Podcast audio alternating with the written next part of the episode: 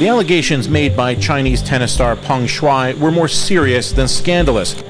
Tennisstjärnan Peng Shuai anklagade en av Kinas mäktigaste män för sexuella övergrepp och försvann sen mystiskt från offentligheten. Growing number of tennis players and athletes have been using the hashtag where is Peng Shuai.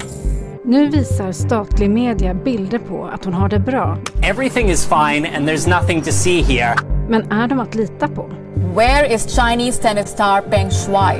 På en kvart får du veta mer om Kinas första metoo-fall och hur en tennisstjärnas försvinnande riskerar att ställa landet inför en diplomatisk kris. Or any diplomatic boycott would still see athletes attend the games in Beijing. Det är tisdag den 30 november. Jag heter Eva Johannesson. Här är dagens story från Svenska Dagbladet.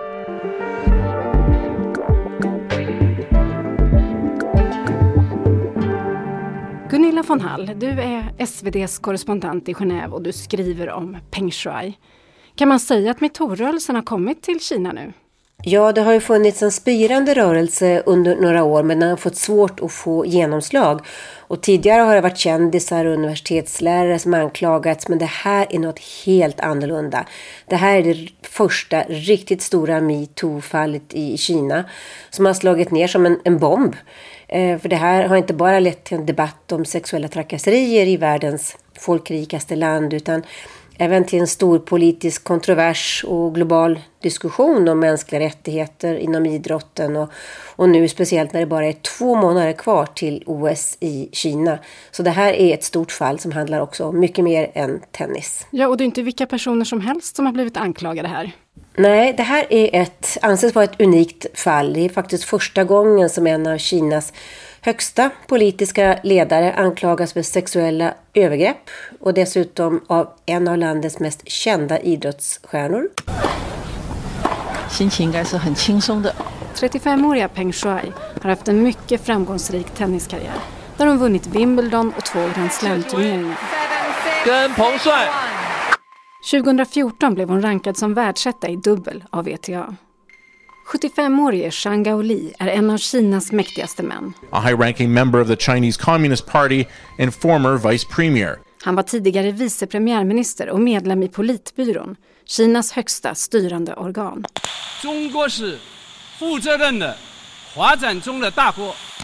Och det här är då mycket omskakande eftersom anklagelserna riktas mot ja, kommunistpartiets toppskikt helt enkelt. Men vad är det egentligen som ska ha hänt? Vad är det Peng Shuai anklagar honom för? Hon skrev då i början på november ett 1600 ord långt inlägg på den kinesiska motsvarigheten till Twitter som heter Weibo. Och där anklagade hon då den här tidigare vice premiärministern för att ha tvingat henne att ha sexuella förbindelser med honom. Och sen försvann hon från offentligheten i tre veckor. Och de två då lär ha haft någon sorts relation för ett antal år sedan. Och för tre år sedan, som tog slut då. Och sen för tre år sedan så bjöd han vice premiärministern in Peng till sitt hem där hans fru också var närvarande och anklagas för att där ha utsatt henne för ett sexuellt övergrepp. Och det ska ha gjort henne förtvivlad och i inlägget så skrev hon att hon aldrig gick med på detta och grät hela tiden. Det här ska ha skett då när han var 72 år och hon var 32. Har Zhang Gaoli själv sagt någonting om de här anklagelserna? Ja, Tsang har ännu, vad jag har sett i alla fall, inte svarat på anklagelserna. Och Kina har däremot reagerat ilsket och de menar att det, här, det görs stor politik av den här historien som är helt överdriven och att det här handlar om illvilliga anklagelser som, som utnyttjas mot Kina. Det tog 20 minuter för den kinesiska censuren att radera inlägget på Peng Shuais Weibo-konto. Men hennes anklagelser hann spridas. Efteråt blev det tyst från den 35-åriga tennisspelaren. Alla inlägg om övergreppen försvann från Weibo och för den kinesiska allmänheten var det som att Peng Shuai slutat existera. That was November 2nd. No one has seen her since. And despite mounting international pressure, China's foreign ministry claims to not be aware of the situation. När veckorna gick utan livstecken från Peng Shuai ökade omvärldens oro för hennes välbefinnande. Not much more to say than, than hope that uh, she'll be found, that uh, you know that she's she's okay. Men så dök det plötsligt upp bilder på henne. I en av videorna så syns den 35-åriga tidigare dubbelmästaren gå in på en restaurang i Peking bärandes munskydd. Ja, kinesiska statliga medier de släppte en rad fotografier och videor och som verkade visa att allt var så bra med Peng. Eh, bland annat så var det en video från en restaurang och en tennisturnering där man kunde se henne då som satt vid bordet och åt och som såg glad och nöjd ut. Det var väldigt oklart om de här bilderna var äkta och även när videorna då hade tagits. So we have some breaking news to share on the seeming disappearance of Chinese tennis star Peng Shuai. Häromdagen hölls plötsligt ett videosamtal mellan internationella olympiska kommitténs ordförande Thomas Bach och Peng. Och där uppgavs då att hon verkade väldigt säker och mådde så bra. Men det här videomötet har fått stark kritik för att vara iscensatt, arrangerat av Kina. It says Peng Shui thanks the IOC for its concern about her well-being. She explains that she is safe and well living at her home in Beijing. Så det har ju varit de här bilderna som har kommit ut på henne där det är lite oklart vilken, vid vilken tidpunkt de egentligen är tagna på och sen det här videosamtalet. Men hon har ju också, eh, ska då ha kommit ut med ett mejl där hon tagit tillbaks anklagelserna om våldtäkt. Kan man lita på de där uppgifterna? Ja, det är väl tveksamt. De kom ju då från, det mejlet kom från Kinas statligt kontrollerade tv-nätverk. Och i det meddelandet, det mejlet, så påstods Peng då säga att de här anklagelserna, det är, inte, det är inte sant vad jag sa och jag tar tillbaka det. Och hon hävdade också då att jag är inte alls, eh, eh, jag befinner mig i säkerhet och inte alls under några konstiga eller osäkra förhållanden. Jag har bara vilat upp mig hemma, skrev hon. Allt är bra. Tack för att ni bryr er om mig. Och det här var då många som ställde sig väldigt tveksamma till om det var sant. Um, Human Rights Watch till exempel sa att det här är, ingen tror att det här meddelandet är från henne själv. Det var också väldigt känslolöst meddelande och liksom en sån skarp kontrast till det här första djupt emotionella 1600 ord långa inlägget som hon gjorde först. Och som du har nämnt det är ju många som, alltså oron fortsätter ju nu för Peng Shuai. Och du har ju faktiskt själv tagit upp den här frågan både med FNs människorättskontor i Genève och med amerikanska diplomater som arbetat i Kina. Ja, jag har pratat med båda dem och FNs människorättskontor här i Genève då, de är väldigt oroliga. Var oroliga och är fortfarande oroliga för att hon verkligen har det bra. Och de vill ha bevis för var hon verkligen befinner sig. Och så kräver de förstås alltså en transparent eh, utredning kring de här anklagelserna om sexuella övergrepp. Eh, amerikanerna, amerikanska diplomater jag pratat med som arbetat i Kina, var lika oroliga säger att det här måste utredas. Eh, det måste vara transparens. Eh, båda parter, alla parter måste höras. Eh, och eventuellt måste vi vidta diplomatiska åtgärder för att komma till stånd med det här. And now the US President Joe Biden has got involved. He said they are considering a diplomatic boycott of next year's Winter Olympics in China over human rights abuses.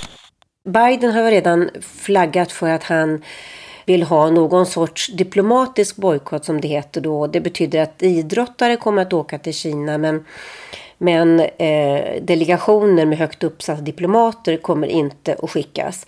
Och, och vad det skulle innebära sen, det, det, de jag har pratat med, och amerikanska diplomater jag har pratat med säger att det kommer förmodligen att mötas då av en bitterhet i Kina och att relationerna mellan USA och Kina kan surna till igen eftersom de president Xi och Biden nyligen samtalade och skulle värma upp relationerna och det här kan göra att det går åt andra hållet.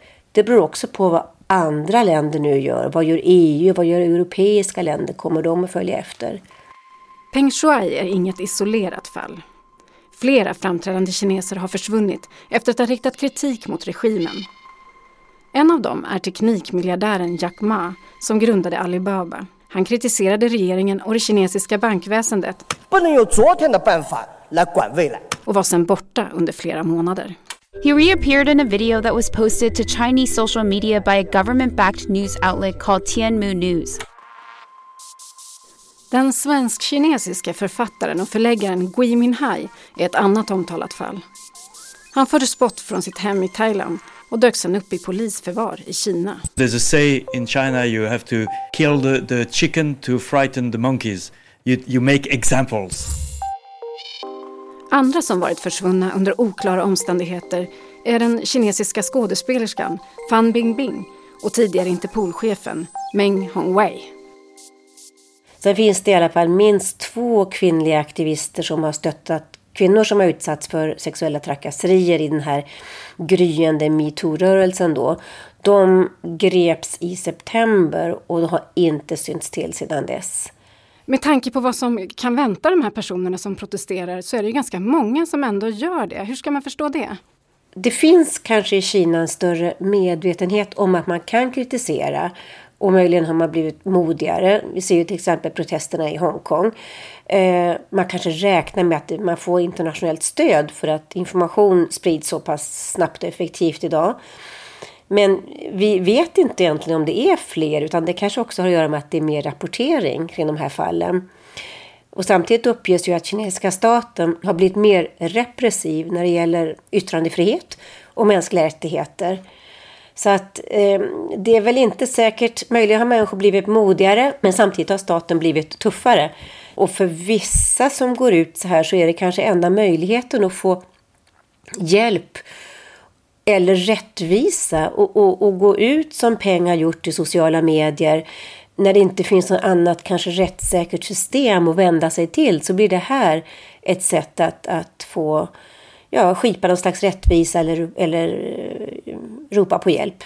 Till sist då Gunilla, i Peng Shuais fall, där är ju pressen väldigt hård på Kina. Kan det leda fram till någonting tror du? För henne själv kan ju möjligen uppmärksamheten fungera som en slags livförsäkring.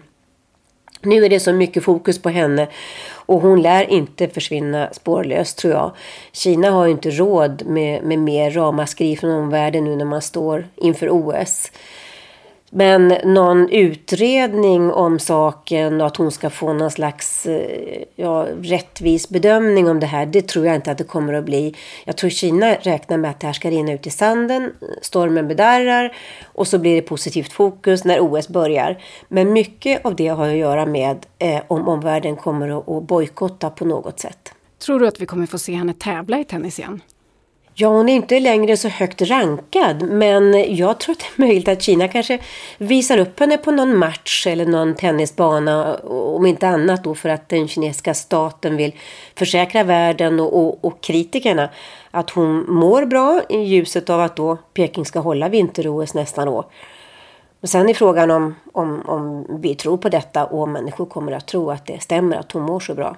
Det kanske blir någon politiskt motiverad medverkan då? Ja, det är möjligt. Så kan man i alla fall se saken. Tack Gunilla för att du var med oss i Dagens Story. Dagens avsnitt klipptes av Lasse Edfast. Redaktör var Teresa Stenler von Matern och jag heter Eva Johannesson. Klippen i dagens avsnitt kommer från MSNBC, Global News, CGTN, Sveriges Radio, The Guardian, Wall Street Journal, France 24 och Sky News.